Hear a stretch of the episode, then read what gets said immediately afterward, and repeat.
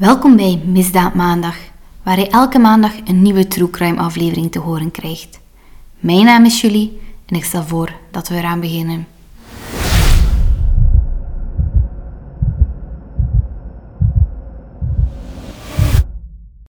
Wanneer er tussen 2002 en 2004 drie jonge meisjes verdwijnen, staat de politie voor een raadsel.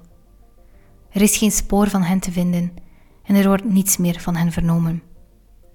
Jaren gaan voorbij tot een van hen het ondenkbare probeert: ontsnappen.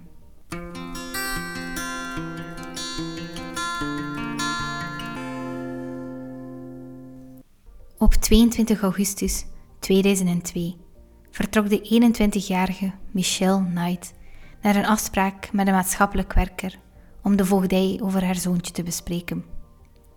De vrouw was veel te laat van huis vertrokken en was dan ook zeer blij toen ze plots een mannenstem naast haar hoorde. Ariel Castro, de vader van een van haar vriendinnen, kwam met zijn auto naast haar rijden en bood haar een lift aan. Michelle stapte zonder twijfel de auto in, opgelucht dat ze op tijd op haar afspraak zou zijn. Maar daar zou ze uiteindelijk nooit aankomen.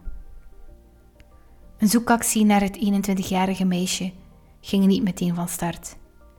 Op het moment van haar verdwijning dacht haar familie namelijk dat Michelle er in haar eentje vandoor was gegaan, boos en gefrustreerd om de situatie over haar zoontje. Ook de politie ging ervan uit dat ze was weggelopen en uiteindelijk terug zou komen. Michelle was tenslotte een volwassen persoon. Ze mocht gaan en staan waar ze wou. Het onderzoek naar haar verdwijning was dus van korte duur. Michelle Knight werd opgenomen in de officiële Ohio Missing Persons Database. De autoriteiten gaven later toe dat ze maar beperkte middelen hadden gebruikt om Michelle te zoeken. Ook werd ze al na 15 maanden uit de database van het National Crime Information Center verwijderd. Dat is een online database van de Verenigde Staten waar strafrechtelijke instanties alle misdaadgerelateerde informatie kunnen terugvinden, gaande van info over een gestolen voertuig, strafregisters, tot bijvoorbeeld de informatie over een vermist persoon. Bovendien vermeldt het politierapport dat Michelle een mentale aandoening had en vaak in de war raakte door haar omgeving, waardoor ze dachten dat de vrouw misschien was afgedwaald. Ook was er sprake dat ze leed aan een psychische stoornis. Mij leken het allemaal redenen te meer om de vrouw te gaan zoeken. Dus waarom de politie er toen zo licht over ging, begrijp ik niet. Enkel haar moeder Barbara geloofde er niet in dat haar dochter vrijwillig zou verdwijnen, zonder ook maar iets van haar te laten weten. Barbara bleef jarenlang naar haar dochter zoeken. Had de politie toen hun werk gedaan en alles in het werk gesteld om Michelle Knight terug te vinden, dan hadden twee andere meisjes misschien niet hetzelfde lot moeten ondergaan. Want nog geen jaar later, op 21 april 2003, de dag voor haar 17e verjaardag, verdween Amanda Barry. Het meisje liep langs de kant van de weg toen ze werd aangesproken. Amanda herkende de man die haar een lift aanbood. Ze was namelijk bevriend met een van zijn dochters, dus ook zij accepteerde zijn aanbod zonder twijfel. Ze belde nog naar haar zus om haar te laten weten dat ze een lift naar huis had, maar uiteindelijk kwam ze daar nooit aan. Ook bij Amanda ging de politie er in eerste instantie van uit dat het meisje van huis was weggelopen. Maar wanneer een week later de telefoon van Amanda's moeder overgaat, verandert de hele zaak. Een onbekende man, waarvan later bleek dat het Ariel Castro was, belde met de boodschap: Ik heb Amanda. Ze maakt het goed en komt over een paar dagen naar huis. Ook vertelde hij dat ze ondertussen getrouwd waren.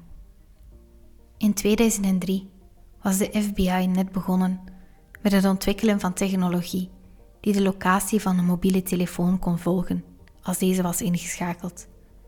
Met informatie die ze op dat moment hadden, konden ze vaststellen dat haar telefoon binnen een gebied van 30 tot 40 blokken was gebruikt. Kijk, ik weet niet wat ik me moet voorstellen bij 30 tot 40 blokken. Ik weet dat de Amerikanen daar vaak gebruik van maken, bijvoorbeeld It's just a block away, maar hoe ver dat, dat precies is, daar heb ik echt geen idee van. Maar los van dat, de FBI heeft dus iets. Ze hebben een zone waarop ze zich kunnen focussen. Dus brachten ze een aantal dagen door in dat vastgestelde gebied, in de hoop dat de telefoon opnieuw zou worden gebruikt. Maar helaas, Ariel Castro heeft Amanda's telefoon nooit meer gebruikt. Drie jaar lang zocht Amanda's moeder naar haar dochter. Maar aan haar zoektocht kwam helaas een einde toen zij overleed in 2006 ten gevolge van hartfalen. Ze is nooit te weten gekomen wat er echt met Amanda is gebeurd. Bijna een jaar nadat hij Amanda had ontvoerd en twee jaar na de ontvoering van Michelle, ging Ariel Castro weer op jacht. Slechts enkele straten van de plek waar hij Amanda had ontvoerd, spotte hij op 2 april 2004 de nog maar 14-jarige Gina de Jesus. Het was ongeveer drie uur in de namiddag en de schooldag zat erop. Gina wandelde samen met haar vriendinnetje Arlene naar huis. Op een bepaald moment splitsen hun wegen en ging Gina alleen verder. Wanneer plots een auto naast haar stopt, herkent ze de man aan het stuur meteen. Het was een vriend van haar vader, Ariel Castro. Hij vroeg haar of ze toevallig zijn dochter had gezien, want zijn dochter was niemand minder dan Erlene, een meisje waar ze net mee naar huis wandelde. Gina zag er geen probleem in om hem te helpen zijn dochter te vinden, en ook zij stapte zonder aarzelen de auto in. Een week na Gina's verdwijning bracht de politie een schets en beschrijving naar buiten van een verdachte. Ze spraken van een Latijns-Amerikaanse man van ongeveer 25 tot 35 jaar, 1,80 meter lang met een gewicht van rond de 80 kilo, groene ogen en een potlood dunne baard. De verdachte was gezien in de buurt van Gina's school in een lichtblauwe of witte auto en zou naar het meisje hebben gevraagd. Ondanks de schets werd geen dader gevonden en ook Gina bleef spoorloos. De verdwijning van Amanda Berry werd besproken in een aflevering van America's Most Wanted in 2004, die opnieuw werd uitgezonden in 2005 en 2006. Hetzelfde geldt voor Gina de Jesus. Haar verdwijning werd zelf gekoppeld aan deze van Amanda. Ze dachten dat de twee verdwijningen iets met elkaar te maken hadden. Op haar twintigste verjaardag ontdekte Amanda plots dat ze zwanger was. En op kerstdag 2006 beviel ze van een dochtertje, dat ze besloot Jocelyn te noemen. Meer dan tien jaar ging voorbij en de levens van de meisjes waren gevuld met afschuw en pijn. Ariel Castro sloot elk van zijn slachtoffers op in zijn kelder voordat hij ze boven liet wonen. Maar ook boven was het geen pretje. De meisjes werden nog steeds afgezonderd achter gesloten deuren, vaak met gaten om voedsel in en uit te schuiven. Ze gebruikten plastic emmers als toiletten. Ze werden met kettingen ergens aan vastgehangen, soms ook aan elkaar. Ze werden ook gedurende al deze jaren emotioneel, fysiek en seksueel misbruikt door hun ontvoerder. Maar dan, op 6 mei 2013, gebeurde er een mirakel. Een telefoontje bij de noodcentrale kwam binnen met de volgende boodschap. Help me, ik ben Amanda Berry. Ik ben ontvoerd en al tien jaar vermist. En ik, ik ben hier, ik ben vrij. De ontsnapping van Amanda was puur geluk. Haar dochtertje Jocelyn kwam plots naar haar toe gerend, terwijl ze zei dat ze haar vader nergens kon vinden. Meteen schoten er verschillende gedachten door haar hoofd. Zou ze proberen een uitweg te vinden uit dit huis? Maar wat als een ontvoerder toch plots voor haar neus staat? Wat zullen de gevolgen dan zijn voor haar, voor haar dochtertje en voor de twee andere vrouwen? Even aarzelde Amanda, maar de gedachte dat ze eindelijk kon ontsnappen uit deze hel zorgde ervoor dat ze toch doorzette. Haar slaapkamerdeur bleek voor de eerste keer in tien jaar niet op slot te zijn en ze rende naar beneden. Ook de voordeur was los, maar de stormdeur zat dicht met de hangslot. Amanda wrong haar arm er doorheen en net op dat moment kwam een buurman, genaamd Charles Ramsey, voorbij, die haar hoorde schreeuwen. De man beukte de deur in, waardoor Amanda eindelijk, voor het eerst in tien jaar tijd, terug buiten stond, vrouw rende naar de buren, waar ze 911, het Amerikaanse noodnummer, belde. De politie snelde ter plaatse en kon ook de twee andere vrouwen bevrijden. Kort na hun bevrijding werden de 52-jarige Ariel Castro en zijn twee broers Pedro en O'Neill gearresteerd. Enkele dagen later werden de broers terug vrijgelaten, omdat bleek dat ze niets met de ontvoering te maken hadden en ook niets wisten over het dubbele leven dat Ariel leidde. Ariel Castro getuigde namens zichzelf tijdens zijn proces. Hij beweerde dat zijn misdaden lang niet zo erg waren als ze klonken en dat zijn slachtoffers in een zekere mate van comfort bij hem leefden, als gewillige partners. Ook vertelde hij dat alle seksuele handelingen met wederzijdse toestemmingen waren gebeurd. Op 1 augustus 2013 werd Ariel Castro veroordeeld tot levenslang plus duizend jaar gevangenisstraf, nadat hij schuldig had gepleit aan 937 gevallen van ontvoering en verkrachting. Zo was zeker dat de man nooit meer zou kunnen vrijkomen. Maar zijn straf was van korte duur, want op 3 september werd hij dood aangetroffen in zijn gevangeniscel. Hij had zelfmoord gepleegd. We weten dus met 100% zekerheid dat Ariel Castro drie meisjes heeft ontvoerd.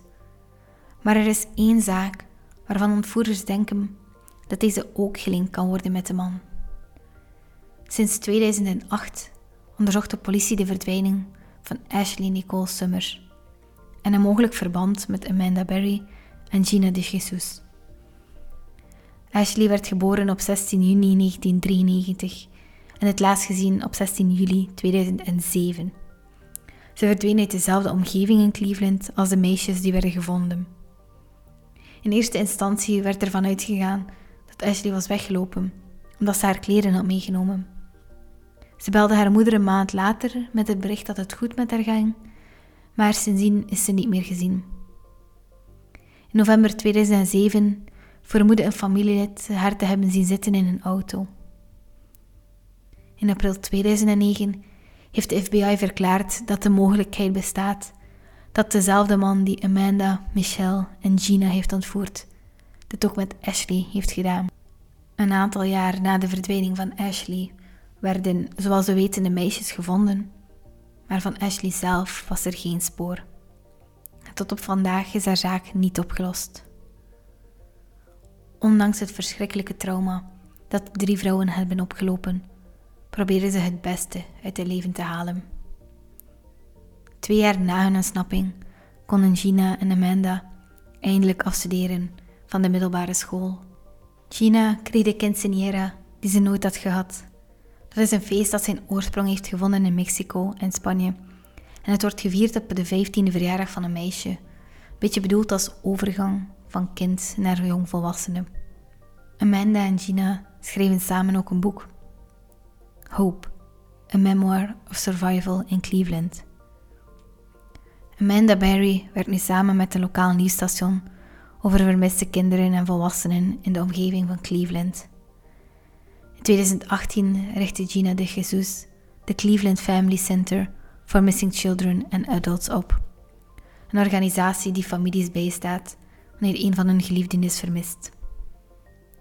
In 2014, een jaar na haar ontsnapping, bracht Michelle Knight haar boek Finding Me uit.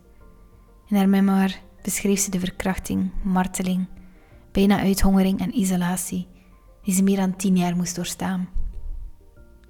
In mei 2017 kondigde de vrouw aan dat ze aan haar tweede boek werkte, Life After Darkness, My Journey to Happiness. Michelle besloot na haar ontsnapping om haar naam te veranderen en gaat nu door het leven als Lily Rose Lee. Ik wil deze aflevering van de podcast graag afsluiten met te benadrukken hoe sterk ik het vind van Michelle, Amanda en Gina dat ze zo'n gruwelijke ontvoering hebben overleefd en hoe ongelooflijk moedig ik het vind dat ze in de jaren nadien hun stem hebben gebruikt om andere mensen te helpen of om steun te bieden.